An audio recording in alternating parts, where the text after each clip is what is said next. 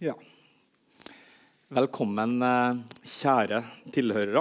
Denne eh, samtalen om eh, rettsstatens stilling i Russland, Polen og Ungarn i dag. Denne samtalen går inn i en serie som handler om den østligste delen av vårt kontinent. Øst-Europa har gjennomgått store endringer de siste tiårene. Noen land har stabilt, stabilt autoritære regimer. Andre strever med å få til et bærekraftig demokrati. Dagens eh, samtale her på scenen eh, skal tas opp for å kunne sendes på radio. Er vi heldige, så dukker det opp i eh, programserien Debatt i P2 på en fredag i nær framtid. Det krever at jeg gjør mitt beste for å holde tidsskjemaet på én time og at dere som publikum gir oss en liten applaus ca. akkurat nå.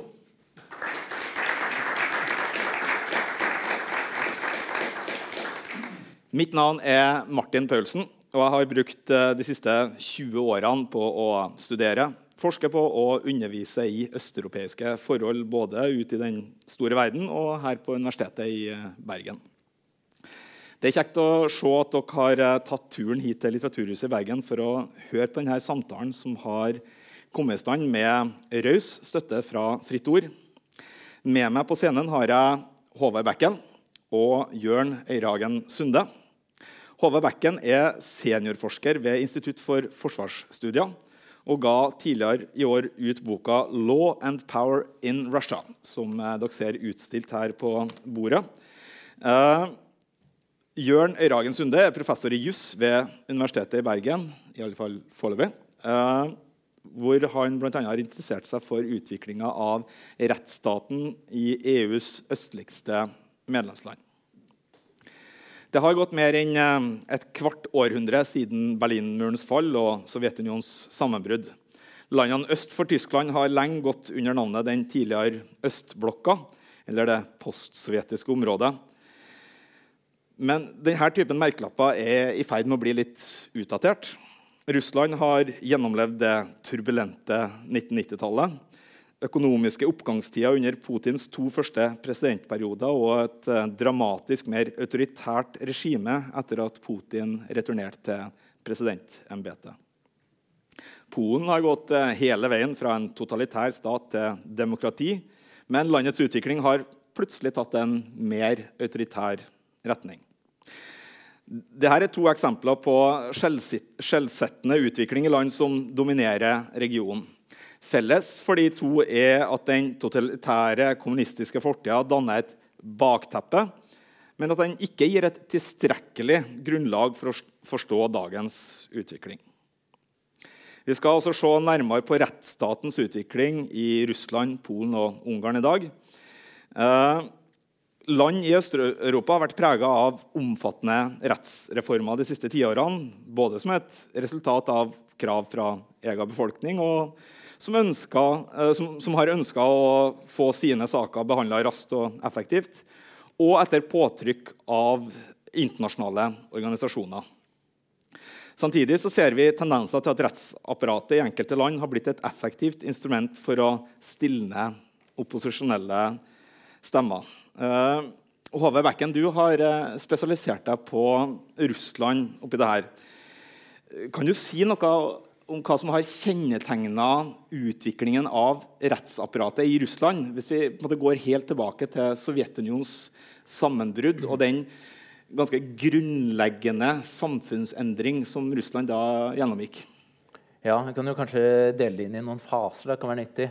90-tallet eh, hadde en eh, helt annen utvikling enn den vi fikk eh, i de første to periodene under Putin, fra 2000 til 2008. Og så har vi hatt en litt annen utvikling enn de siste, de siste tiåra.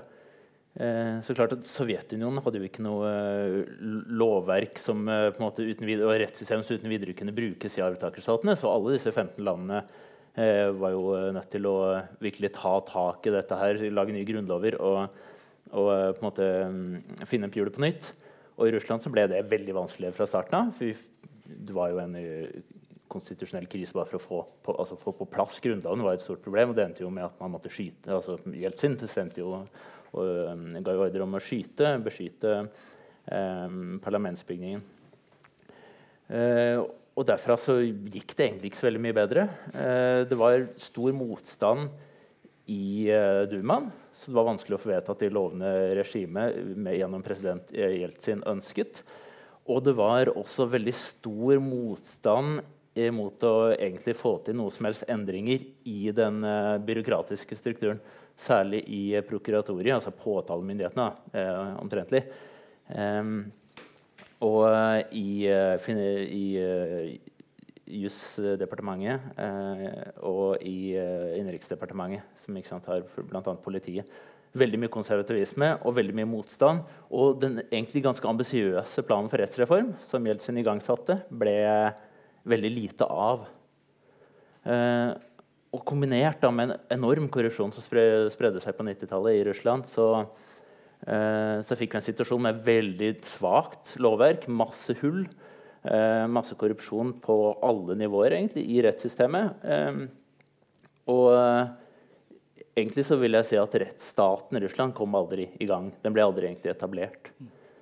og det var det, denne situasjonen Putin arvet, da, som ga han en utrolig godt utgangspunkt for sin periode, på sett og vis, når vi snakker om hans personlige legitimitet. For det første så fikk, hadde man allerede etablert at ok, det gikk ikke, så ingen blir overraska hvis vi fortsetter å bruke rettssystemet til våre egne måte, ting, våre egne politiske preferanser osv.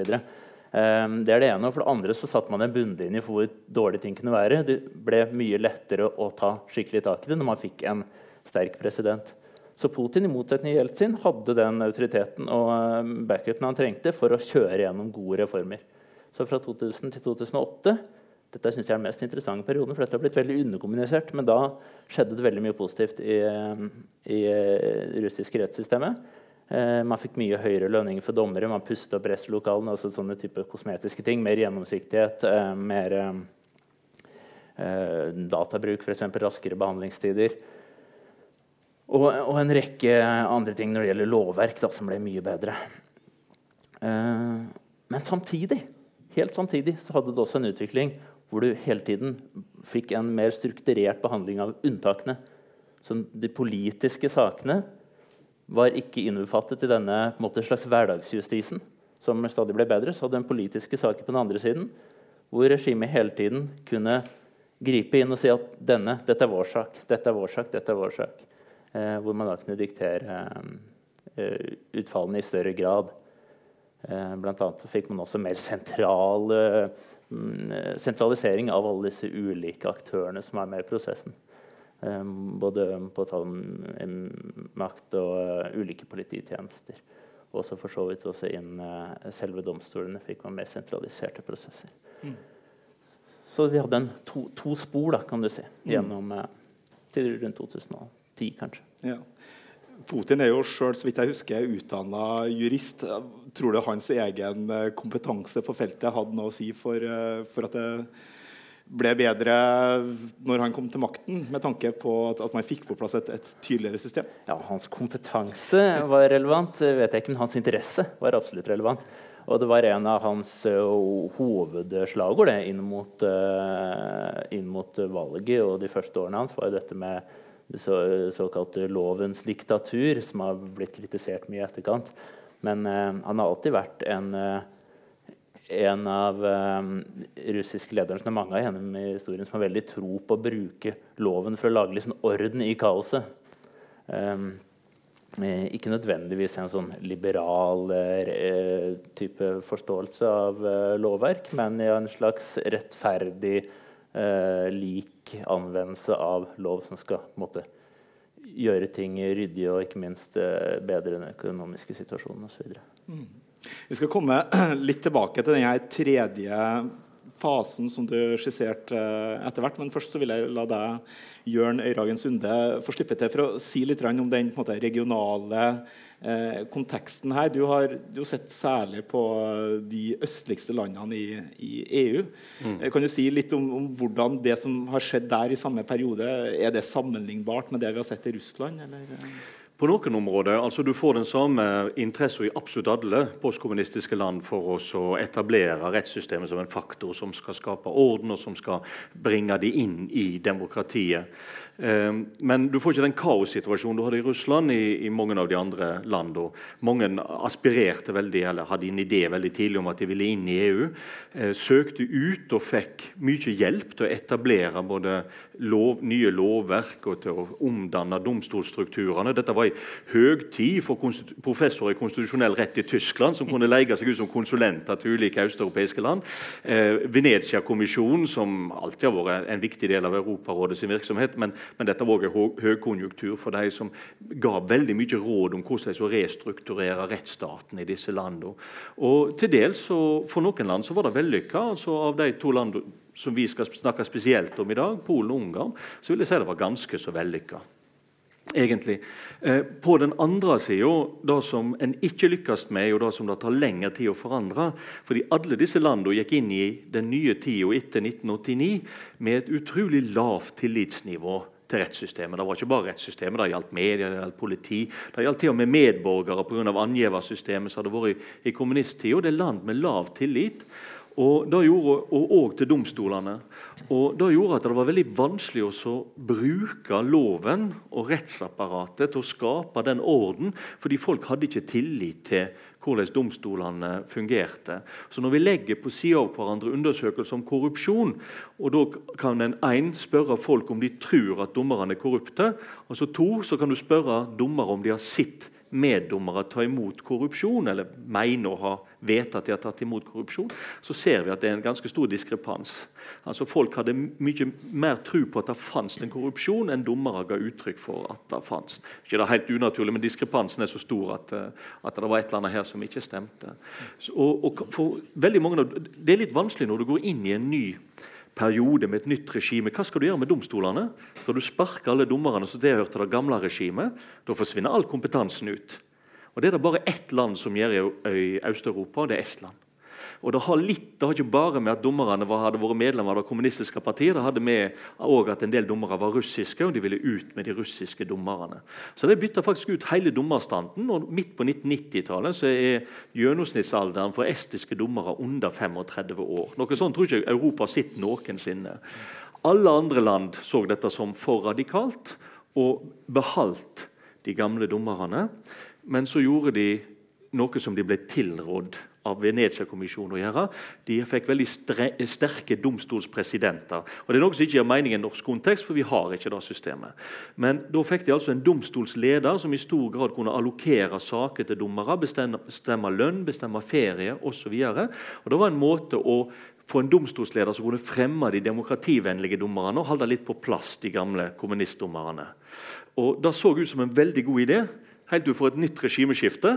Og da skjønner jeg at Hvis du bytter ut domstolspresidenten, så kan du reversere utviklinga. Mm.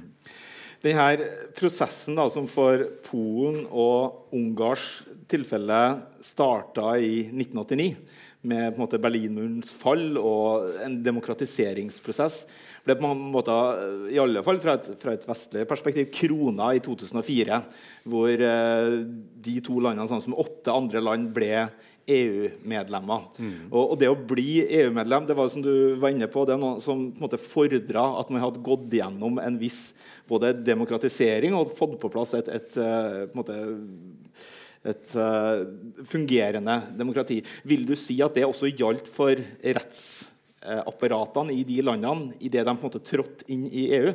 At de, de hadde velfungerende rettsapparat som uh, var på en måte moden til den oppgaven som, uh, som landene nå gikk inn i.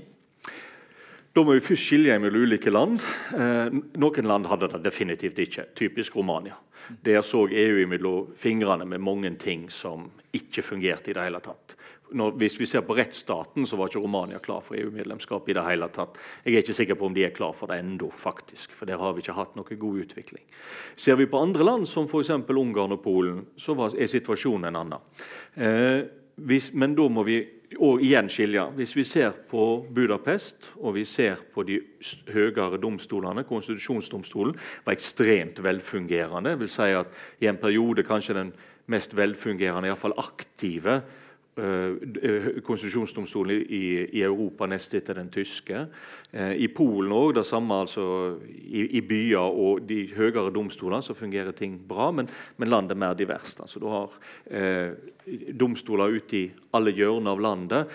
Og Et problem i alle disse landene var at det var det veldig vanskelig å bryte opp de gamle maktnettverkene som, som, domstolene var en del av. Sånn at eh, Hvis vi ser på Ungarn, så vil jeg si at rettsstaten i Budapest, ja, og den var den EU så på, jo, den, den hadde hatt en voldsom utvikling og en god utvikling, mens, mens i, i, i, periferien i Ungarn så var ikke det tilfellet. Mm. Mm. Og vi, vi, bygger jo på en måte her en historie om, om tre tiår med, med, utvikling hvor det for, for uh, de østeuropeiske landene Polen og Ungarn handler om uh, innledningsvis en, en, suksesshistorie. Men så kommer det på et tidspunkt et, et brudd. Uh, du Håvard Bekken, du, du antyda at for Russlands del så er det en sånn tredeling av det her tidsrommet. Og du, du beskrev de to første eh, epokene. Eh, hva er det som skjer eh, i det siste, siste tiåret eh, fra dagens perspektiv? Altså fra mm. Putins eh, retur til makta? Egentlig så vet jeg ikke om det er noe brudd, men det er en uh, utflating. Altså, det som uh, er spennende, er jo at man utvikler dette systemet parallelt med den politiske undertrykkinga og autoritarianismen øker. Men så uh, på et eller annet tidspunkt så slutter de progressive tiltakene å komme på uh, å bygge ut uh, hverdagsjustisen, for å bruke det uttrykket. Og etter noen år med utflating så har man begynt å gå tilbake igjen på en del type um, praksis som man har drevet med tidligere. Og da tenker jeg f.eks. Uh, første tiåret så var det en del avkriminalisering. Man reduserte antall varetektsfengsler. Man brukte mer progressive tiltak. Man hadde alternativ soning for ungdom. Man hadde en del sånne type ting. Det er på vei til å bli reversert nå. Altså Man har uh, større grad av uh, man mer, mer, bruk av varetekt, eh, mer bruk av fengselsstraffer. Og man har ikke minst veldig mye flere tilfeller av, av wiretapping og lesing av mailer og sånne ting. Det har eksplodert. Så det har på en måte blitt et uh, litt gråere og styggere eh, rettssystem som heller ikke har på en måte den, uh, den spenningen i seg lenger, vil jeg si. Uh, når det gjelder de politiske prosessene, så er det jo flere politiske fanger nå enn det har vært på lenge. av de som registrerer slik. særlig nå selvfølgelig med demonstrasjonen i sommer. Mm. Og de siste årene generelt så har vi hatt dramatisk eh, oppsving i f.eks. antallet saker basert på ekstremismeparagrafer. Um, det er veldig sånn, det er helt eh, sett med ulike lover det er snakk om, men som går under ekstremisme og hatskriminalitet, som egentlig da er, et dekke veldig ofte for politisk undertrykking og dels for religiøs undertrykking. Og så har vi hatt en veldig innskjerping på Internett, ikke minst, som handler om både overvåking og og andre tiltak som er legitimert gjennom sånn sikkerhetstanke. Mm. Eh, Jørn jeg var, inne på i stad eh, spørsmålet om, om korrupsjon. Eh, hvordan ser det ut fra det, det russiske rettsapparatets eh, perspektiv? Eh, vi er jo vant med å tenke på Russland som et eh, korrupt samfunn. Det, har det vært noen utvikling der i rettsapparatet? vil du si? det har det absolutt vært. Og det er en ganske spennende utvikling, syns jeg, fordi den følger um, den følger på en måte regimets uh, eh, overordna politikk ganske tett. For det første så var, uh, var det umulig å leve uh, av politilønninger og av dommerlønninger uh, på 90-tallet. Det gikk ikke an, så man var nødt til å supplere med uformelle inntekter av ymse slag. det er jo gjerne av grå eller svart karakter. Og så Fortsatt i dag så er det jo jeg tror det er så mye som 80 eh, det som har ekstrainntekter i politiet. Da er det gjerne som eh, Det er ikke nødvendigvis noe ulovlig. Det kan også være som at man er vekter, f.eks., eller eh, andre sånn private sikkerhetstjenester. Men dette var et kjempeproblem og førte til at korrupsjonen på lavere nivå også var veldig høy. Så det var utrolig frustrerende for Russlands innbyggere, som ikke egentlig kunne bruke rettssystemet i det hele tatt. Fordi du, du regnet med altså Tilliten var jo virkelig lav. Man regnet med at uh, det ble gjort på en inkompetent måte, og at det var uh, den uh, som ville betale mest, da, som, som trakk til lengste strå. etter hvert, når regimet konsoliderer, altså Putin trekker nye mennesker inn i administrasjonen og, i, og, og samler elitene, også etter hvert i et maktparti, så begynner disse småkongene måte som eh, er rundt i eh, disse oligarkene sant, som er rundt på 90-tallet, å eh, miste litt kontrollen over sine folk i rettssystemet. Så de kan ikke kjøre sine prosesser som før. Og i tillegg så er det en del antikorrupsjonstiltak som gjøres i rettssystemet generelt.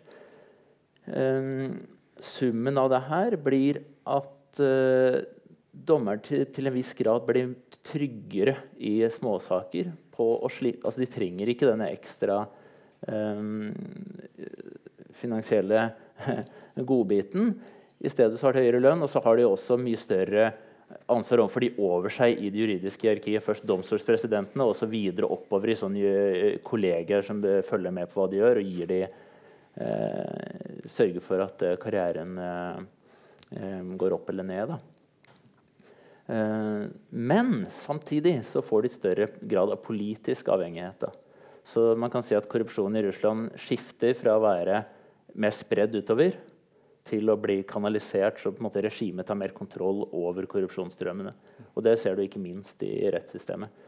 Og pengesummene i rettssystemet generelt går vel antageligvis, eh, går antageligvis opp, men eh, det gjelder færre saker. da. Betyr det da kanskje at korrupsjon blir litt mer forutsigbar? At man kan på en måte tolke det ut fra politiske perspektiver? Eller? Ja, muligens, men jeg vet ikke om korrupsjon om, om den er mer, Nei, jeg vet ikke om den er mer forutsigbar. Altså, korrupsjon på lavere nivå er jo egentlig veldig, for, veldig forutsigbart. Mm. altså, Istedenfor tillit så har man jo penger. Ja. Um, men um, men du har et politisk spill som uh, har blitt viktigere enn det rene pengespillet. Da, hvis man mm. skal se en, uh, en utvikling i den situasjonen her. Mm. Jørn, vi, vi snakka altså her om, om den, den, russiske situasjonen med, som Håvard beskrev som en sånn utflating, også en, en, en forverring de, de, de, siste årene. Mens i Ungarn og, og Polen så er det snakk om ganske tydelige brudd på, på liksom konkret, eh, nærmest historiske datoer ja. i løpet av de siste, altså de siste par tiårene. Kan du fortelle litt om, om hva det har betydd for rettsapparatet? Ja, altså Viktor Orban og hans Fidesz-parti kommer til makta i 2010. Eh, og så har de en, en, kamp med rettssystemet for å få kontroll over det. Og så de siste eh, fem-seks åra i alle fall, så har Ungarn på slike rettsstatsindekser som det fins noen av i verden, bare stupt. Altså virkelig stupt. Eh, så det er ikke en jevn nedgang, det er et stup. Eh, først litt om hvorfor ville Orban ha kontroll over rettssystemet. Eh, det er ikke nødvendig i Norge, for vi er et tillitssamfunn. Eh, og Dermed så har vi veldig få kontrollmekanismer egentlig overfor den politiske makt. Mens alle disse østeuropeiske landene, når de får råd av Venezia-kommisjonen, av tyske konstitusjonsprofessorer, så er det lag kontrollsystem, slik at du ikke kan få en politisk makt som går langt utover eh, grensene for den makta de egentlig skal utøve. Går fra maktbruk til maktmisbruk. Og Der spiller domstolene en veldig viktig rolle. Men dermed så er det òg, hvis du vil gå utover de grensene som er satt for din makt som regjering, så må du nettopp òg få kontroll over domstolene. Og Da begynte en med med en gang. Altså Etter Viktor Orban kommer til makta på høsten 2010, så går det én måned, og så har han presentert en medielov. Han vil ha kontroll over media for å få arbeidsro. Og Så går det tre måneder, og så begynner han angrepet på rettssystemet. Da har han fått medialoven sin, da begynner han på angrepet på rettssystemet. Og Da er det om å gjøre å få kontroll over de øverste domstolene, konstitusjonsdomstolen aller viktigst, og deretter over domstolspresidentene. Sånn at du nettopp, som vi nå fikk beskrevet, du, du tar kontroll over det hierarkiet. Og, og, det neste steget er da av utnevningsrådet, som blir politisert. Og Da får du den typen korrupsjon som virker på to måter. For det første så vet du en, en, har et ordtak om at 'hunden biter ikke den hånda som gjør han mat'. Mm. Altså den, Når du vet at det er regjeringa som har utnevnt deg til dommer i konstitusjonsdomstolen, eller deg til domstolspresident, så føler du gjerne en lojalitet. Den lojaliteten kan fort gå over. Da vet vi fra mange undersøkelser Men hvis du samtidig har rigga valgsystemet slik at alle antar at de som sitter i makt, vil fortsette å sitte i makt, da tør du ikke skifte lojalitet. Da tør du ikke utfordre sittende regjering. Og Da får du en slags sånn korrupsjon som vi nå fikk beskrevet, nemlig at du er lojal mot den sittende regjering. Og Det betyr jo at du i all verdens småsaker vil tolke alt i regjeringa sin favør. Og Det er spesielt viktig i disse to EU-landene, Polen og Ungarn. og ja, nå finnes det flere i Øst-Europa, EU-land, fordi en ganske stor andel av retten etter hvert, det er EU-retten, har faktisk ikke regjeringa kontroll over. Hvor stor andel da er, det er litt vanskelig å si, men hvis vi sier at ca. 50% av alle rettsreglene i samfunnet opprinnelig kommer fra EU og skal tolkes i tråd med EU sin ambisjon for reglene sin virksomhet. Men med en gang regjeringen får kontroll over dommerne og de blir lojale mot regjeringen, så er det ikke lenger EU sin ambisjon, men regjeringen sin ambisjon. Mm. Og Så har du det slikt på alle nivå i rettssystemet etter hvert, og det gjør at det er nesten umulig. For du må anke alle veier opp, det koster mye osv. Og, og dermed så, så, har du fått en, en, kontroll, ikke bare over det politiske, med at du kan forandre valgsystem osv., men i hverdagssakene, de bitte små sakene, så har du ganske god kontroll. Så det betyr at i et system hvor en større del av lovgivninga er på en måte outsourca til Brussel, mm. så det er ekstra viktig å ha ja. kontroll over uh, rettsapparatet og lovfortolkinga. Ja, og det, for alle, Dette gjelder alle land. Altså, vi var jo ikke opptatt av vår dommer i EFTA-domstolen i, i, ganske lenge før vi oppdaga hvor stor andel av norsk rett som var egentlig EU-rett. Da ble vi veldig opptatt av hvem som var norsk dommer i EFTA-domstolen. Men her gjelder det jo hele systemet, der en tar kontroll over alle dommer, vil ha kontroll over alle dommere på alle instansnivå. Mm. Dette var altså Ungarn. Det var 2010. Ja. Og så flytter vi blikket litt lenger nord, eh, til et land som er nesten fire ganger så stort. Mm. Polen, som er et veldig stort land i, i denne østligste delen av EU. Ja. Eh, og så får vi en utvikling som ligner litt. Ja, og det er jo, altså Utviklingen i Polen var det noen journalister i ulike vestlige land som brydde seg om. Men, og informasjon var der. EU brydde seg virkelig ikke. Ungarn var for lite, for ubetydelig. En venta på at det skulle gå over, at folk skulle bli fornuftige og skjønne hva som var rasjonelt. på en måte. Og Så skjer det samme i Polen. 2015. Mange av, av mekanismene før er litt like, men det er et mindre dramatisk brudd i Polen i forhold til Ungarn. Eh, men, men det som er likt, er at det er ett parti som framstår som hederlig, mens andre politiske parti framstår som mer korrupte og uhederlige, som fører til at du får et protestvalg. Og De som vinner protestvalget i Polen, er da PiS-partiet. De skjønner jo at hvis vi skal vinne neste valg også, så må vi rigge systemet. Vi må bruke den makta vi har fått ved dette tilfellet, til å rigge systemet. Og da er og I Polen så gjør de det samme som i Ungarn. De følger nøyaktig samme oppskrifta. Én eh, måned etter valget forslag til ny medielov. Tre måneder etter valget angrepet på konstitusjonsdomstolen. Og I Polen så kommer det også et angrep på Høyesterett. Det var helt nødvendig der, fordi Høyesterett har en annen rolle i Polen enn i Ungarn. Det er bl.a. den instansen som kontrollerer valgresultat og sånne ting. Så du fikk veldig mye, og, og Det var rett og slett fordi en hadde studert og en hadde lært. Da blir EU engasjert. For som du sier, Det er et større land populasjonsmessig og selvsagt økonomisk mye viktigere i EU. Sånn at uh, Når EU reagerer på, på rettsstatsbruddene, så setter de i gang, eller de trykker på atomknappen, som en har formulert det i media. De, de, begynner prosessen mot tvungen utmelding. Den prosessen begynner mot Polen i desember 2017, mot Ungarn i september 2018. Men var, da hadde jo ting, allerede ting vært i åtte år i Ungarn. Og det hadde bare vært to år i Polen, men det er likevel Polen en tar først tak i. Det har altså med, rett og slett med størrelse og økonomisk viktighet å gjøre. Mm. Uh, er det noen forskjell i det som skjer i Ungarn og Polen, bortsett fra at Ungarn er fem år tidligere, i, og, og den, den, altså det har skapt andre reaksjoner i EU? Ja. Det er én vesentlig forskjell. Eh, motstanden eh, i både befolkning og dommerkorps var nesten totalt fraværende i Ungarn. Sånn at eh, Viktor Orban eh, og da må jeg bare få legge til, Viktor Orban er jo jurist, akkurat som Putin. Eh, men en veldig dyktig jurist. og faktisk har Han også studert statsvitenskap i Oxford. Altså, han, han, kan spille, det juridiske og rettsstatlige spillet. Men, men motstanden der den var nesten helt fraværende. Mens i Polen så har det vært mye motstand. Eh, og det er helt påfallende hvor mange dommere, men også Sivilombudsmannen, som har fått Raftoprisen, for eksempel, og andre av det vi kan kalle elitejuristene, som har sett karriere og, og ja, velferd rett og slett, på spill for å protestere mot den utviklinga som har funnet sted. Så I Polen så var det et mindre dramatisk brudd, men vi har også sett at motstanden har vært mye større. Så det som var gjort på tre år i Ungarn, er ennå ikke fullendt i, i Polen.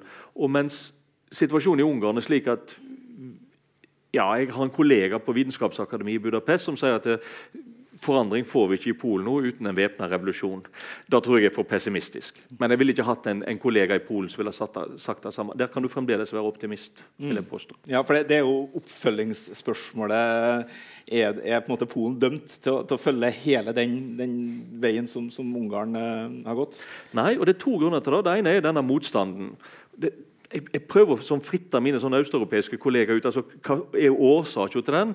Eh, vi er vel blitt en slags enige om at det, det, er en protestkultur som går tilbake til solidaritetsbevegelsen, som du ikke har i Ungarn. Altså, det er iallfall en mulig forklaring. da. Så den ene årsaken til at ting ikke har utvikla seg likt i, i, Polen. Men så er det én ting til som gir grunn til optimisme både i Ungarn og Polen. Og Jeg er veldig spent på å høre på hvordan det er i Russland. fordi en ting er at Regjeringen har tatt kontroll over media, men det er de tradisjonelle media. og Den kontrollen er voldsomt effektiv. Eh, ungarere som knapt ser en muslim, er jo helt overbevist om at i nabolandet eh, Austerrike eh, så er det en masse voldelige, farlige muslimer på gatene som utsetter folk for utrygghet og sånne ting. Altså, propagandaapparatet gjennom de tradisjonelle media har fungert voldsomt effektivt. Men det er jo ikke alle som ser på tradisjonelle medier, akkurat i Ungarn som i Norge. Unge folk de bruker sosiale medier, de har andre kjelder til informasjon. Og Da så vi på valget nå i Ungarn at unge stemmer annerledes enn eldre velgere. Og da, Det er et håp for framtida her at de tradisjonelle media ikke har samme dikteringsfunksjon som de hadde tidligere. Og at uh, de unge velgerne kan komme til å være en helt annen trussel mot Orban og, og uh, Kaczynski i Polen enn det som uh, de eldre velgerne har vært til nå. Mm. Håvard Bekken, det her som, som Jørn Ragen Sunde her antyder, det er at det, en, det foregår en legitimeringsprosess fra rådende politiske ledere Eh, for å på en måte forklare hvorfor det er nødvendig med de omveltningene som vi har sett i, i uh, Ungarn og Polen. Uh, hva har på en måte vært legitimeringsrasjonalet i den russiske konteksten? Um, det litt, uh, når det gjelder den måte, autoritære utglidninga, så har den holdt på veldig lenge. Mm. Og den har blitt legitimert også på forskjellige måter. Vi snakket om et brudd i 2012. Det er jo ingen eh, områder den, det bruddet er tydeligere egentlig enn på legitimeringen av regimet.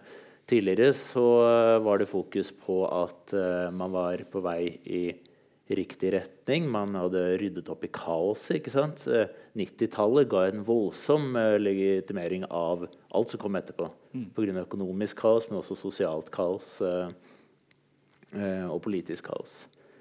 Men etter hvert så går det ikke an å bruke den unnskyldningen unnskyldninger lenger. ikke sant? Man har, uh, når Putin har og Medvedev har sittet i tolv år, så man må finne på noe nytt. Og det viste jo det, disse protestene. De første store protestene under Putin var jo i det var litt i 2005, men så kom det i 2011, som fikk mye oppmerksomhet. Og det førte til en del tankevirksomhet i regimet, og man kom opp med en ny idé for å legitimere Eh, landets eh, autoritære vridning og på en måte alternativ, tanken om at eh, Russland trenger ikke være en del av noe vestlig. vi kan være vår egen greie. Og da fikk man en konservativ eh, dreining da, i eh, retorikken til Putin og i måte, den offentlige diskursen generelt. Fokusert mye mer på tradisjonelle verdier og øh, og sos sosialkonservative verdier og russisk særegenhet, patriotisme osv. Mm. Og I Russland så har man jo også hatt det her begrepet suverent eh, demokrati. altså Som du antyder, en sånn egen russisk måte å, å gjøre demokrati eh, på. Eh, kunne du ha liksom sagt litt om hva, hva det betyr? Hvordan, hva legger de i, i sin dem, demokratiforståelse i dag? Jeg tror ikke demokratibegrepet egentlig er så, uh, så hot som det var. Nei. Dette ser man ikke minst knyttet til rettsstaten. Altså, jeg snakket om at Putin hadde mye fokus på lov og rett i uh, sine tidlige taler. Det forsvant helt ut, og det nevnes jo knapt noen gang lenger. Um, så jeg tror ikke man nødvendigvis har lyst til å være med på å, å på ha den konkurransen og tautrekkingen med hvem er mest demokratisk. Mm. Men man fokuserer heller på eh, Russlands måte, eh, egne styrker, da, mm. Mm. som er knyttet til eh, eh den kollektive styrken, eh, til eh, stormaktsidentitet og til tradisjoner. Mm det her Demokratibegrepet har jo også vært sentralt når det gjelder forståelsen av Ungarn. Der, der har jo på en måte begrepet illiberalt demokrati. Mm. Eh, kan du si litt om, om, hva som ligger i det, og hvordan ja. vi kan forstå det? Det har jo vært en viss debatt i, i Norge også om hvordan vi skal forstå hva Viktor Orban mener med det. Ja, altså... En ting jeg kan mene, da jeg vil si han mener, er jo at hvis vi først spør hva er et liberalt demokrati Vi lever i et liberalt demokrati. Det er den, den, vest, den vestlige tradisjonen som går tilbake til opplysningstida. Og da går ut på rett og slett det helt fundamentale maktfordeling. Maktfordeling for at Hvis en del av, makt, av statsmakta misbruker sin makt, eh, så har du fremdeles to fungerende deler som kan kontrollere den delen som går utover sine rammer. Eh, det er veldig fundamentalt viktig i et demokrati. Det som er et illiberalt demokrati, er nettopp at du ikke ønsker maktfordeling. Da kan du rettferdiggjøre med mange ulike typer retorikk. Én er at det er ineffektivt. Det er ineffektivt å ha en regjering som gjør eh, lover som domstoler overprøver å sette til side, f.eks. Så, videre. så effektivitet kan være et argument. Et annet kan være korrupsjon. Sant? Altså Domstolene er korrupte. Eller rent demokratielement. Hvorfor skal domstolene overprøve lovgivning når dommerne ikke er folkevalgte? Altså, der finnes det masse ting som du kan bruke til å rettferdiggjøre at regjeringa, som springer ut av et flertall i, i parlamentet, samler makt på sine hender og avskaffe kontrollmekanismene. Kontroll over media så, du, så er en slik mekanisme sånn, som du fjerner. Kontroll over domstolene er en veldig viktig annen. Og så har du Eh, dette med at du rigger valg sånn at eh, største partivalg får alltid et flertall Ikke alltid, men over en viss størrelse så får du et flertall i parlamentet for eksempel, som gjør det mulig å ikke ha så voldsomt stor oppslutning, men allikevel et flertall i parlamentet som gjør at du nesten har frie hender til å forandre lov, og til dels grunnlov. Så eh, og Det har vært helt likt i, i uh, både Ungarn og Polen, altså den, den retorikken. Og I Polen så gikk det så langt at høsten 2017 så hadde du en veiplakatkampanje. Så hvis du kjørte på en motorvei i Polen, så sto det store plakater langs veien der det sto 'Hvem skal bestemme i Polen?' Dommerne eller de folkevalgte. Og det er klart Når du stiller det spørsmålet, så er det umulig å ikke svare de folkevalgte. Da. Det har jeg òg gjort. Men det er poenget da er at i en rettsstat så har ikke politikere, altså, altså har ikke den politiske delen av statsmakta, mulighet til å gjøre akkurat hva du vil. For du må ha et mindretallsvern, og du må ha noen som passer på at demokratiet føler visse spilleregler. For så må du ha ei fri presse, for hvis ikke så får du ikke egentlig frie valg osv. Medielovgivning blir dermed en del av rettsstatens spilleregler. Det er det som sikrer det liberale demokratiet. Når du fjerner alt dette, så får du det illiberale demokratiet, der sittende regjering i realiteten kan rigge systemet, fjerne kontrollmekanismer, sånn at du jevnt blir valgt. Det vil være min tolking. Jeg tror ikke Viktor Orban ville vært helt enig. Uh, Håvard Bekken, uh, det her er den brede konteksten uh, på mange måter. Oppi det her så har du forska på og, sett nærmere på et, et spesifikt fenomen i, Russland som du har valgt å kalle selektiv lovanvendelse. Og som er måte, det du beskriver i denne boka 'Law and Power in, in Russia'. Kan du starte med å forklare hva det begrepet betyr? Eh, ja, jeg bruker faktisk eh, et eget kapittel bare for å prøve å definere det. Eh, men jeg trenger ikke gå den veien nå. Kort sagt så handler det om å ta mannen og ikke ballene. Altså, du, hvis man igangsetter rettsprosesser, trenger ikke være mer enn etterforskning, men man setter i gang politi og rettsaktører for å fremme dine egne interesser, kort sagt, eh, som da ikke er juridisk relevante i utgangspunktet. Men jeg har sett eh, spesielt på saker som er politisk eh, interessante. Så tanken der er at man har en rekke saker hvor folk med innflytelse over rettsaktører bruker denne for å fremme sine egne interesser. Gjerne da ta sine egne ø, politiske kritikere, de som uh, journalister, menneskerettighetsforkjempere osv. Eh, eller opposisjonskandidater som stiller i samme valgkrets osv. Hver for seg, mange ulike steder i landet, men at disse aktørene som sitter på toppen her, har felles interesser, og at prosessen i sum blir at man får en eh, slags mekanisme som håndhever politiske spilleregler. Eh, slik at eh, det autoritære eh, regimet, altså i betydning formelle og uformelle spilleregler, eh, og samspillet dem mellom måte fester seg på denne måten. Eh, og når eh, resten av samfunnet eh, observerer disse sakene, så forstår de også at dette handler ikke om lov og rett, det handler om politiske prosesser. Og du får da et, et, et, egentlig en sensurfenomen der hvor de vil holde seg unna altså en signaleffekt? på en måte? Det er en signaleffekt, ja. ja. Eh, så de vil holde seg unna tilsvarende aktiviteter. I, I, Norge så har vi jo en tendens til å sette et likhetstegn mellom Putin og det russiske politiske systemet som sådan. Altså, alt er kontrollert og styrt av, av Putin. En sånn veldig forenkla forståelse. Sånn som jeg forstår deg nå, så er det her snakk om aktører måte, i hele systemets hierarki som på en eller annen måte kan bruke sin makt til å påvirke prosesser. Ja, jeg er opptatt av det. Jeg har gjort en sånn 50-tallsintervjuer i forbindelse med en boka.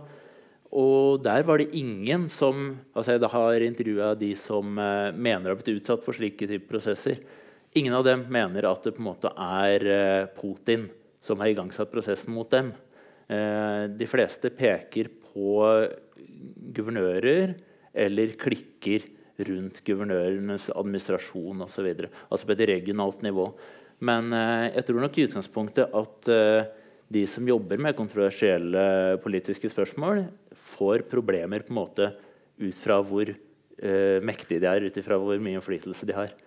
Så hvis du heter Navalny, sant, så uh, er det ikke de samme som igangsetter prosessen mot deg, som hvis du er en uh, menneskerettighetsaktivist i Kaliningrad f.eks. Mm. Har du noen konkrete eksempler som kan illustrere det her litt sånn teoretiske fenomenet? Eh, ja, det er jo altfor mange eksempler, eh, selvfølgelig. Eh, kunne jo nevne den som er veldig aktuell i dag, for det er en høring i, i dag eh, mot eh, Juri Dmitrijev. Eh, og det er et fint eksempel fordi det er ikke så ferskt likevel. For han har allerede hatt et navn i, i norsk presse, bl.a. i hvert fall to-tre to, års tid. Han eh, ble anklaget for eh, å produsere og lagre barnepornografi ut fra noen bilder han hadde tatt av dattera si. Han mener det var for å eh, dokumentere noen skader. Jeg har jobbet da som menneskerettighetsaktivist i Petrosavodsk. Det som er litt typisk med denne saken, er at den ikke slippes. Ofte så dekker eh, pressen sånne saker når de settes i gang, når det er i Russland, og ikke når de konkluderes. har jeg meg. Eh, men denne gangen fikk faktisk også frifinnelsen, for han ble frifunnet, eh, en del oppmerksomhet. Og det ble kalt oppsiktsvekkende i Aftenposten bl.a. Men det som da gjerne skjer, og som skjedde i dette tilfellet, at det kommer nye saker. ikke sant? Så det er ikke slik at man setter i gang en etterforskning, man har en rettssak, og så får det en dom. I de fleste tilfellene faktisk, så er det ikke slik. Og det jeg har undersøkt, så er det mer at, at domstolen sender saken tilbake for, eksempel, for ytterligere etterforskning. og Så har man en varetektsperiode, og så har man i, i etterforskningsperioden så har man reiseforbud. For eksempel, så man har hele tiden sånne prosesser som bare går og går og går. Det kalles å, være på kroken, eller å ha noen på kroken. På russisk, det er russisk sjargong er veldig populært. Uh, det som skjedde med Eh, Dmitrijev, var at han eh, var i en begravelse til eh, en venn. Og så ble han da anklaget for å ha eh, forbrutt seg på vilkårene for løslatelse fordi han ble dømt tre måneder betinget for å ha, oppbevare en våpendel. Det var en lite tiltalepunkt. Eh, og så ble han huket inn igjen, og de påstod at han forsøkte å rømme landet. Og eh, nå er han eh, da på første høring igjen i dag, eh, hvis han eh, nå fikk gjort seg klar. da. Eh, og tiltalene har også da kommet til et nytt punkt for uh, seksuelt misbruk mm. på mindreårige. Så, så, det er på en måte en, del av de her prosessene er at, at som du sier, altså at de vedvarer, får ny kraft, returnerer til, til rettsapparatet og, og, på en måte aldri tar slutt. Ja, og det synes jeg er et viktig element av det. For man kan kanskje få en idé om at dette er politiske fanger som hovedsakelig utsettes for sånne type prosesser, som på en måte sitter der ikke sant, med disse ikoniske eh, eh, jernstengene. Mm. Eh, men det er det i hovedsak ikke. Eh, for langt, det er langt større tall av de som bare hele tiden eh, må gjennom nye prosesser. Mm. Eh, jeg har uh, intervjua folk som har blitt utsatt for mange titalls saker, også på gjerne helt vilt forskjellige lover, også mm. mange samtidig. Så bare etterforskningsprosessen i seg selv er en såpass stor byrde at uh, de uh, både um, får mindre tid til å jobbe med det de skal, og f.eks. får konfiskert datamaskiner eller ikke får lov å reise ut. Dette er jo veldig reisende mennesker ofte. Um, og nok til at det virker avskrekkende. Så man trenger på en måte ikke pushe en sak helt gjennom rettssystemet. Men det viser samtidig at uh, det er ikke så enkelt at uh, dommerne rett og slett bare sier OK, jeg får en telefon fra Putin. Altså, det er ikke helt uh, slik det fungerer i Russland. Gjør du den kommentaren? kommentar? Ja, jeg synes Dette er veldig interessant. for at, Det vi snakker om her, er jo egentlig et misbruk av jussen. Men det er på en måte slik at det illiberale demokratiet da har jo arva um, en stor mengde juss av det liberale demokratiet. Dette gjelder alle land i, i Øst-Europa, som så lett kan misbrukes. La meg forklare. På, I løpet av 80-tallet skjer det både en holdningsendring og en velstandsendring som gjør at alle land globalt altså Dette gjelder like mye Kina, Mosambik, Brasil som Norge. Alle land begynner å produsere store mengder juss. Eh, mye flere lover, mye mer spesielt veldig mye mer forskrifter. Domstolene er mer aktive, vi får mange flere jurister osv. Det er en generell økning i den juridiske materien som vi bruker til å styre samfunnet. Det Vært forferdelig viktig for å gi utsatte grupper mer, bedre rettigheter f.eks. osv. Men til slutt så får du et stort korpus av regler. Så hvis jeg var en, en, en, leder med autoritære aspirasjoner, så ville jeg vil ikke ha brydd meg så mye om å forandre grunnlov og lov. Hvis jeg hadde en opposisjonell, bare få eh, forvaltninga til å undersøke når han har pussa opp huset sitt, om han har fulgt alle forskrifter, f.eks. For han har helt sikkert brutt noen. Og, og, du har et så stort apparat at hvis du vil sette, utsette folk, ha folk på kroken, holde de opptatt og gjøre det kostbart for dem å være opposisjonell, så har du slitt de ut etter noen år. Og du trenger ikke lage spesielt undertrykkende lover. Du kan bare misbruke det store korpus av regler vi har, med, som er lagd med veldig gode intensjoner, men som lett lar seg bruke som et slikt undertrykkende våpen hvis en har det som et ønske. Mm. Det er jo nettopp det ikke sant, som gjøres, og det er det som også ble gjort allerede på 90-tallet. Da var det mindre aktører som, eh, som, brukte hull i lovverket på samme måte, for lovverket var jo enda svakere den gang. Um, men da etablerte det seg denne si, kulturen for å eh, anvende loven på, på denne måten også i, i postsovjetisk Russland. Og eh, jeg har undersøkt nettopp hvilke lovtekster som er mest populære i uh, sånne politiske eh, prosesser. Og det er flere måter på en måte inn her. Én eh, er disse uendelig vage tekstene som virkelig kan fortolkes på alle mulige måter. Det er jo litt interessant i russisk sammenheng, siden det ikke er noe særlig tradisjon for at man skal fortolke lov. Det er en formalistisk tradisjon hvor lov anvendes og ikke fortolkes.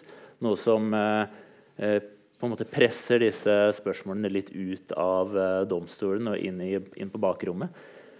Men så er det også de sakene hvor det er nettopp eh, byråkratiske bestemmelser, reguleringer, veldig sånn nitty-gritty lovverk eh, som anvendes for å holde folk borte. Det typiske eksempelet er registreringer til valg. Fordi valgloven eh, er forskjellig i ulike regioner. Og de er ofte veldig intrikate, og de skifter hele tiden. Og de skifter gjerne når uh, opposisjonspolitikerne er på ferie og sånne ting. Helt, altså, vi har mange titalls forandringer på en valgperiode hvor ett partiside dominerer hele regionale dumaen likevel. Um, så da har vi en, sånn, uh, en annen type mekanisme hvor det handler om å klare å liksom finne de små feilene i dette store store mengden av dokumentasjon man er nødt til å sende inn. Det samme har også vært mekanismen med NGO-loven, som jeg vet er en annen sånn uh, ting som har blitt kopiert i, av andre eller uh, si, aspirerende autoritære regimer andre steder. hvor det også er veldig store dokumentasjonskrav, slik at man ganske enkelt kan finne en feil et eller annet sted i papirene. Og på den uh, bakgrunn enten, bare si at nei, du må fylle det ut på nytt og gjøre alt på nytt, og, og holde, holde, ting stengt så lenge. Eller uh, av og til kunne være enda mer alvorlige. Det her er jo, det her er ofte saker som du sier, som, som, som kanskje det kan være litt, litt uklare om, omstendigheter.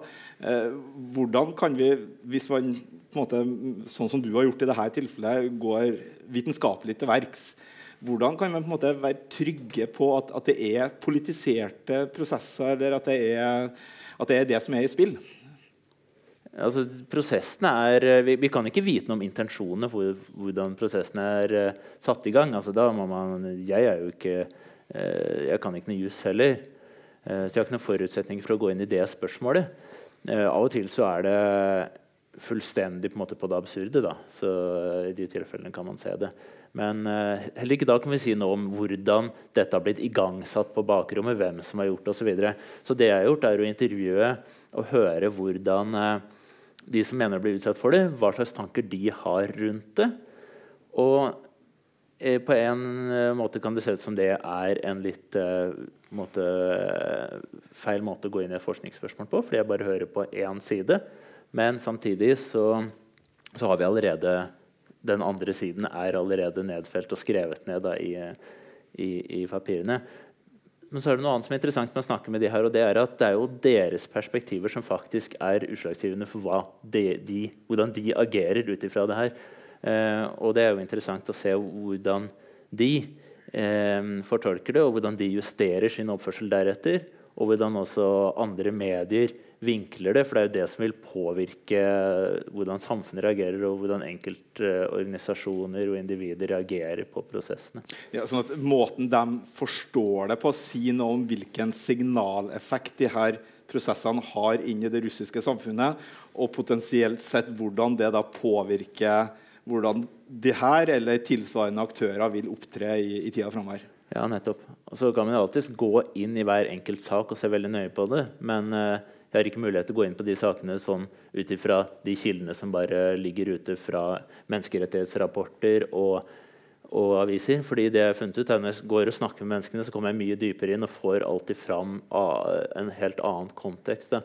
Man er interessert, ofte interessert i å selge inn dette her, og det er vanskelig å selge inn eh, ideer om at jo, kanskje man er litt skyldig likevel, men alle andre er det også. Og dessuten så var det litt andre eh, problemer med saken.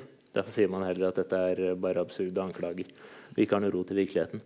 Eh, og det er jo litt av poenget med denne mekanismen kanskje også, sett fra myndighetenes side, at det, gjør, det er vanskelig å kritisere det på en ryddig og ordentlig måte. Mm. Og fordi at uh systemet tillater at ting trenger ikke etterlate spor som er så lett for oss å analysere og så etterpå komme med anklager. Det som blir sagt i Ungarn, som er veldig vanskelig å forklare, er, unnskyld, å, å, å, undersøke, det er jo at med de sterke domstolspresidentene så, så gir de litt sånn, ut, sånn signal om at ja, er viktig, altså, eh, De husløse er et samfunnsproblem, eksempel, og mørkhuda er ofte kriminelle. og Så ser de litt på hvordan rettspraksis er til de ulike dommerne, og så får du litt mer ferie og så får du litt mindre arbeidsbyrde hvis de syns du dømmer fint, og hvis ikke så får du mer arbeid og ferie på et dårligere tidspunkt. Men det er veldig vanskelig for en forsker å gå inn og si at her har vi et rettsstatsproblem. Fordi ferieavvikling da må du ha. og Det er ikke alle vi heller som får ferie akkurat når vi ønsker det. Men, men du kan misbruke disse disse typene mekanismer som er helt legitime mm. eh, i et politisk spill. Mm. Man legger legge til at eh, poenget her er jo at man skal, Hvis poenget er at man skal avskrekke politisk, så er det ikke noe vits å holde det politiske spillet skjult. Det er det motsatte. Man har faktisk et ønske om at det politiske skal komme fram. Så det er en dobbeltkommunikasjon. Man kan ikke bare kommunisere nei, nei, dette er, vi har ikke gjort noe her. Dette er bare en ren juridisk prosess. Man er samtidig nødt til å kommunisere. Men egentlig så er det vi som eh, bestemmer. Og det kan du se i disse sakene. Mm. Så det ligger på en måte spor på åstedet så å si, da, som, eh, som, er ganske enkle å se, fordi de ligger opp i dagen. Eh, jeg også eh, systematisk spurt informanten min om dette. Hvorfor tror dere at koblingen er akkurat slik og slik? Og Da handler det om eh, mange forskjellige ting. Altså, men ofte handler det om 50 prosesser på en måte, for å sette litt på spissen, eller mange prosesser mot samme person rett etter de har gjort et eller annet eh, som de ikke burde ha gjort. ikke sant? Eh, Forbrutt seg på de uskrevne reglene. Eller så handler det om at man tar mange samtidig, eh, som egentlig ikke har noe med eh, med jussen å gjøre. Man kan f.eks. ta alle menneskerettighetsorganisasjoner uh, før en planlagt stor demonstrasjon. Så skjønner jo alle, tegne, alle tegninga. Det er ikke vanskelig å se det politiske elementet. Eller noen ganger så er det også at man, maktpersoner møter opp på pressekonferanser. Eller de kan til og med faktisk innkalle til møte og si det rett ut. Det er jo ingen som, på en måte, Du får det ikke skriftlig. Ikke og signaler gjennom pressen. Det er mange ulike måter å gjøre det på. Men eh, poenget mitt er da at det er ikke en sånn fasade med at eh, noen utgir seg for at dette er et plettfritt rettssystem. Eh, det er eh, viktig å hele tiden få fram det politiske signalet. Og det burde være noenlunde presist også, sånn at man faktisk vet hva som eh, er galt. Mm. Vi er i ferd med å måtte runde av. og helt sånn Avslutningsvis har jeg lyst til å utfordre dere. Altså det, det, er jo ganske dystre perspektiver vi, vi ser her. Eh, på, på en måte framtidsutsiktene. Eh, Polen-Ungarn på den ene sida til deg, Jørn Ragen Sunde, og, og, og, Russland for deg, Håvard Bekken. Eh, hvordan ser det ut i det, fem, det nærmeste femårsperspektivet?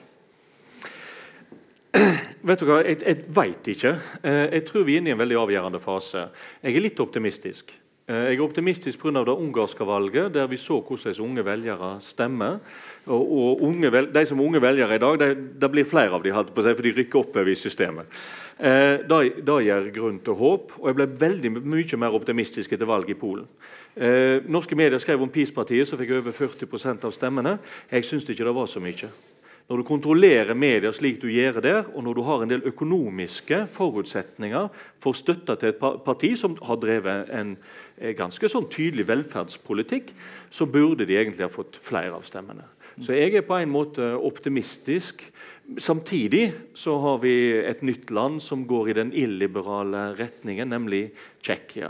Hvis Tsjekkia gjør det, hvis virkelig Tsjekkia òg kan bli et illiberalt regime, da blir jeg litt pessimistisk. For det har en sterkere rettsstatstradisjon egentlig enn iallfall Ungarn og, og delvis også Polen. vil jeg påstå, Har en sterkere rettsstat i dag, men har allikevel i løpet av ganske få år vendt seg ganske klart mot de illiberale. Så det fins signal som, jeg, som, drar i begge retninger. Jeg tør faktisk ikke spå. Hva, hva, med Russland?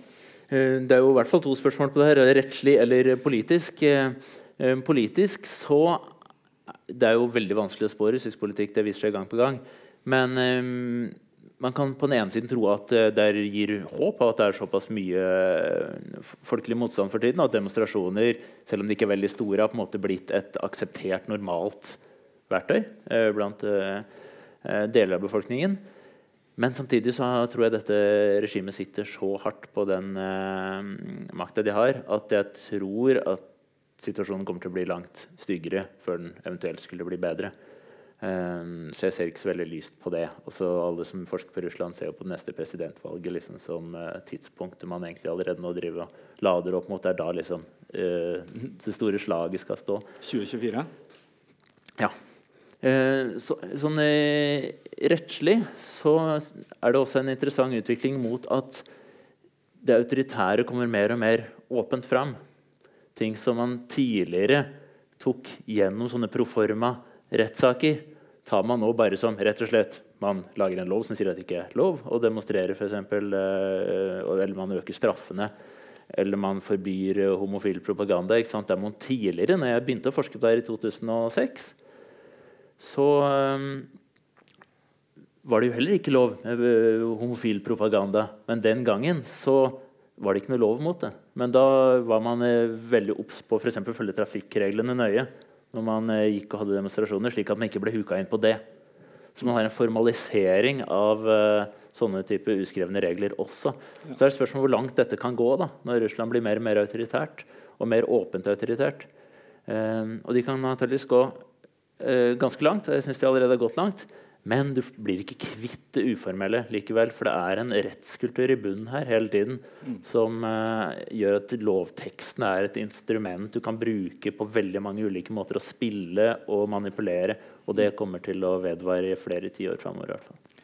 Og med det så er jeg forplikta til å avslutte denne samtalen. Jeg vil takke Jørn Øyragen Sunde fra UiB og Hove Bekken fra IFS for at dere har tatt dere tid til å fortelle oss om denne utviklinga i Russland, Polen og Ungarn. Tusen takk.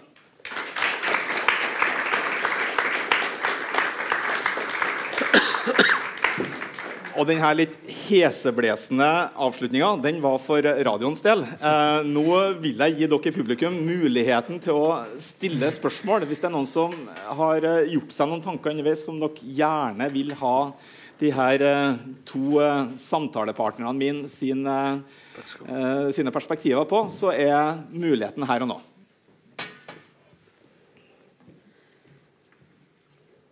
Ja.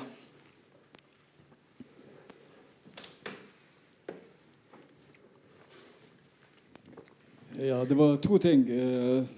Først takke for gode analyser og interessante framlegging av det. Men det var to ting eh, jeg satt og lurte på. Det var den optimismen eh, som gjelder ungdommen.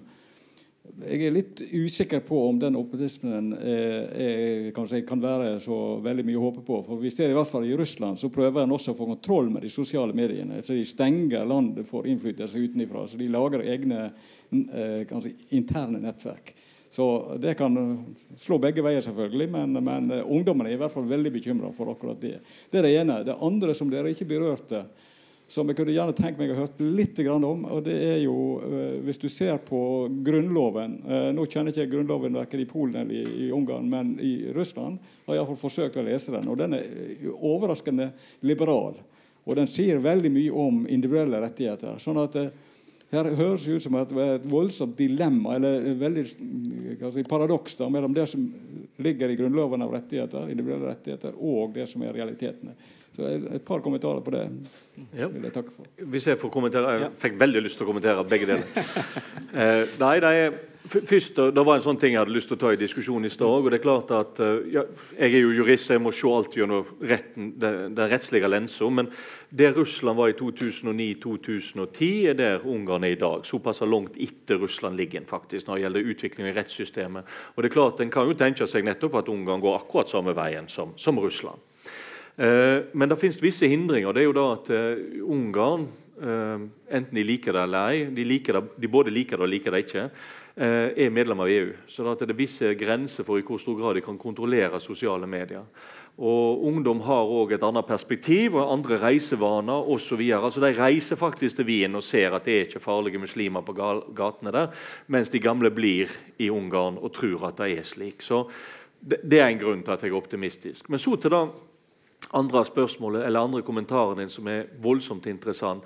Det er klart at Hvis vi sammenligner i fall den norske grunnloven før 2014 med de alle grunnlover tror jeg jeg tør si i Øst-Europa, så hadde jo den mye svakere vern både om demokrati, rettsstat og individ sine rettigheter.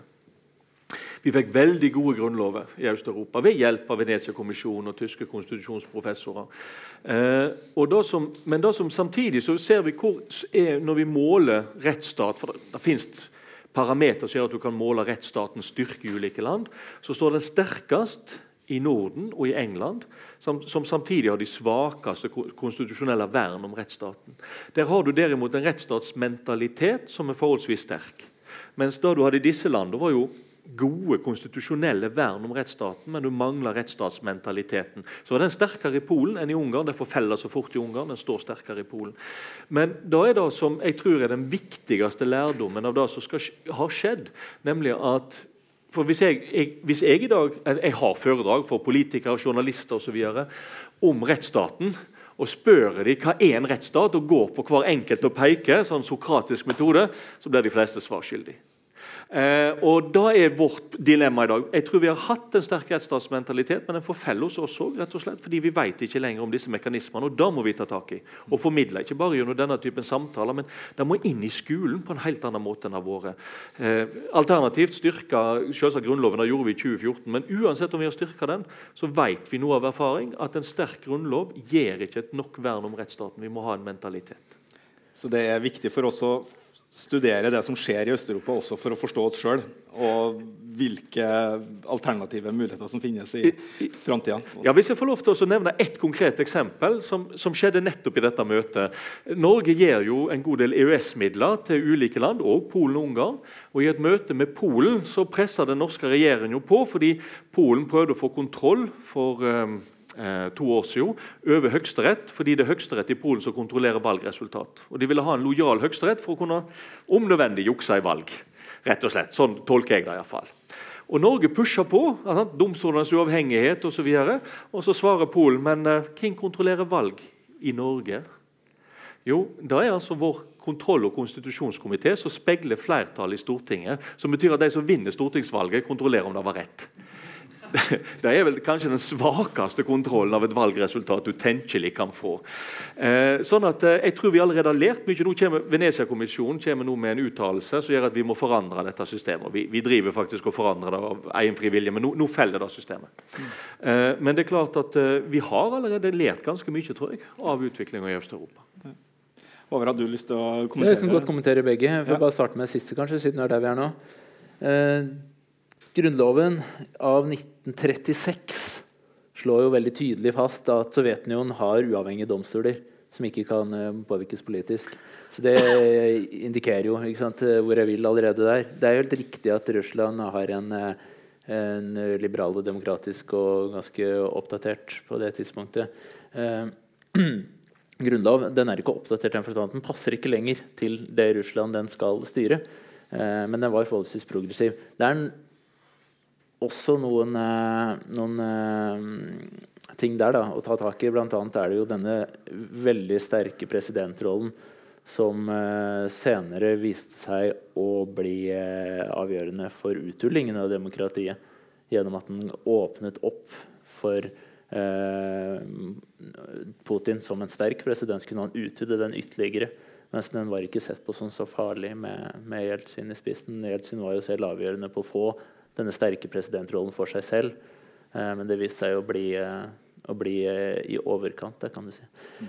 men du har også et tredje element her som gjør at disse rettighetene sjelden blir en tematikk i, i rettssystemet konkret. Og det handler jo om denne formalismen igjen. Uh, russisk rettstradisjon har en tendens til å anvende lov konkret og ikke fortolke.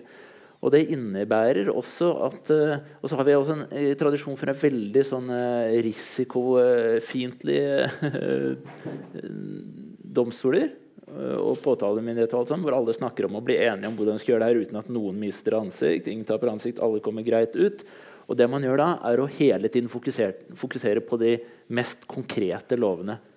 Og så ignorerer man de vagere prinsippene over. Og det er eh, gjennomgående på alle nivåer. Så man håndhever de tekniske, enkle, undersøkbare forholdene og lar prinsippene ligge. Eh, så det gjør også at Grunnloven står ganske svakt. Dessuten i, uh, i blant juristene som jobber med Grunnloven i Russland, så er vel konsensusen snarere den at altså, Grunnloven sier ikke hvordan Russland er, den sier noe om hva Russland skal forsøke å bli. Så Det er, en, det er et normativt dokument. Det, er, det, har på en måte ikke en eh, absolutt eh, anvendelse uansett. Mm. Så var det, var det et spørsmål til? Ja, det var et spørsmål til. ja.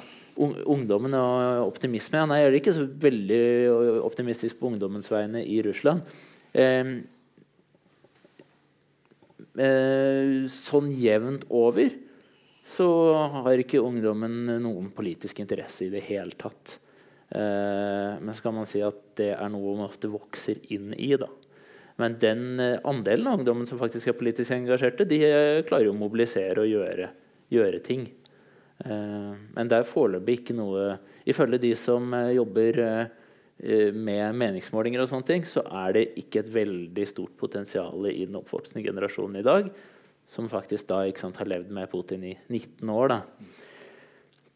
Det er ikke en veldig stor motstand der. Så er det dette med alternative nyhetskilder. Det var jo hele tiden det som ble nevnt på seminaret denne typen sånn, ja, det er jo håp for Internett. Det klarer ikke disse autoritære regimene å håndtere.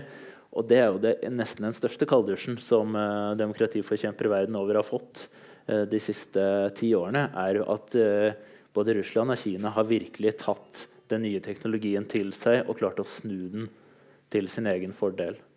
og bruker jo Internett som ingen andre. ikke sant? Og det handler også om å begrense tilgangen på Eh, de eksisterende systemene. Nå har jo ikke Russland gått og laget noen sånn stor, eh, stor mur eh, som Kina har gjort. Men en mye lovgivning siden rundt 2013, tror jeg, har gått på å regulere bloggere, regulere nett på mange ulike måter. Så hvis du blogger nå, så er du ikke lenger at du er unntatt massemedieregulering. Altså, du, du, er, du må registrere deg som massemedium hvis du har over 3000 lesere hver dag, hvis du er blogger i Russland. Eh, og eh, hvis eh, man ikke retter seg etter det myndighetene sier, så har, du, har de også mulighet til å gå et hakk opp og se på eh, internettleverandøren og be dem stenge tilgangene. Eh, så det var svar på de to delene av det spørsmålet. kanskje. Vi står i, i, fare for å sprenge alle tidsrammer her, men, men, Iver, du skal få det spørsmålet du, du satt med i stad. Ja, ja, takk.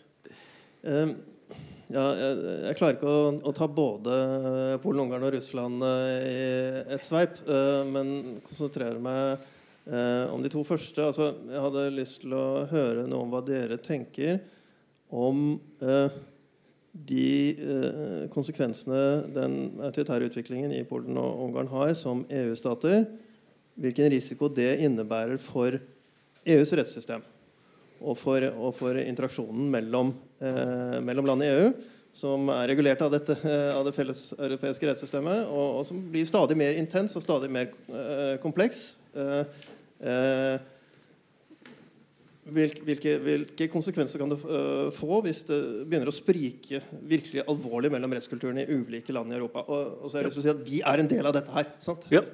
EU, vi, er, vi, er, i EU. Vi er i EU, vi stemmer på det ikke. Sånn. Klarer vi å besvare det store spørsmålet i vår tid uh, på, på, tre minutter? Ja, jeg, Hvis jeg får bruke to minutter, så skal ja. jeg klare det. Ja. Nei, uh, dette er EU sitt store problem. Fordi EU er, altså, Utviklingen i EU har jo egentlig vært helt fantastisk. for Det betyr at du respekterer andre domstolers avgjørelser om informasjonsutlevering, om utlevering av personer osv. Uh, det har gjort EU-området til et jurisdiksjonelt ekstremt effektivt område. Men det forutsetter tillit. Tillit til at domstolene i de andre landene er uavhengige. Eh, hvis du ikke har uavhengige domstoler, så kan du ikke stole på informasjonen du får, som du sjøl vil bruke i en straffesak. Du kan heller ikke stole på at den du utleverer, eh, din egen statsborger eksempel, vil få en rettferdig rettergang i det landet som han blir utlevert til. Og Da kollapser hele systemet. Og Det er da som EU nå er livende redd for. Og så fikk vi den kjente irska saka der Irland i utgangspunktet nekta å utlevere en polsk statsborger til Polen. Eh, og Så ble de nødt til det likevel, og så var avgjørelsen EU-domstolen. Men jeg, jeg, er ikke helt sikker på om EU-domstolen vil komme til samme avgjørelse om et års tid. faktisk. Fordi utviklinga går, går, i så veldig negativ retning i Polen. Men, men samtidig så vet EU-domstolen at da kollapser litt hele systemet. Tør vi dette i det hele tatt? Eh, så jeg, altså, og Det er egentlig dette som har skrudd til hele denne prosessen. Og så tvinger EU til å ta tak i dette Og her vil jeg si at EU har litt seg sjøl å takke. De var unnfallende altfor lenge. Men, men, så begynner systemet deres å, å litt kollapse innantil, og da må de ta tak. og da har de gjort noe. Men jeg er ikke sikker på om de vil lykkes. Og jeg tror at uh, Vi fokuserer mye på brexit. Det er utrolig mye støy pga. brexit, med god grunn. Men den store utfordringen for EU er Polen og Ungarn. Eventuelt andre land som går samme retning. Tusen takk for det. Med det så vil jeg si takk for oppmøtet til alle sammen. Neste samtale har fått tittelen '30 år siden murens fall' og skal handle om hvordan historien om 1900-tallet behandles i dagens Russland og Tyskland. Det finner sted her på Litteraturhuset i Bergen lørdag 9.11. i tidsrommet 10.00 til 13.30. Velkommen skal dere være. Og takk for i dag.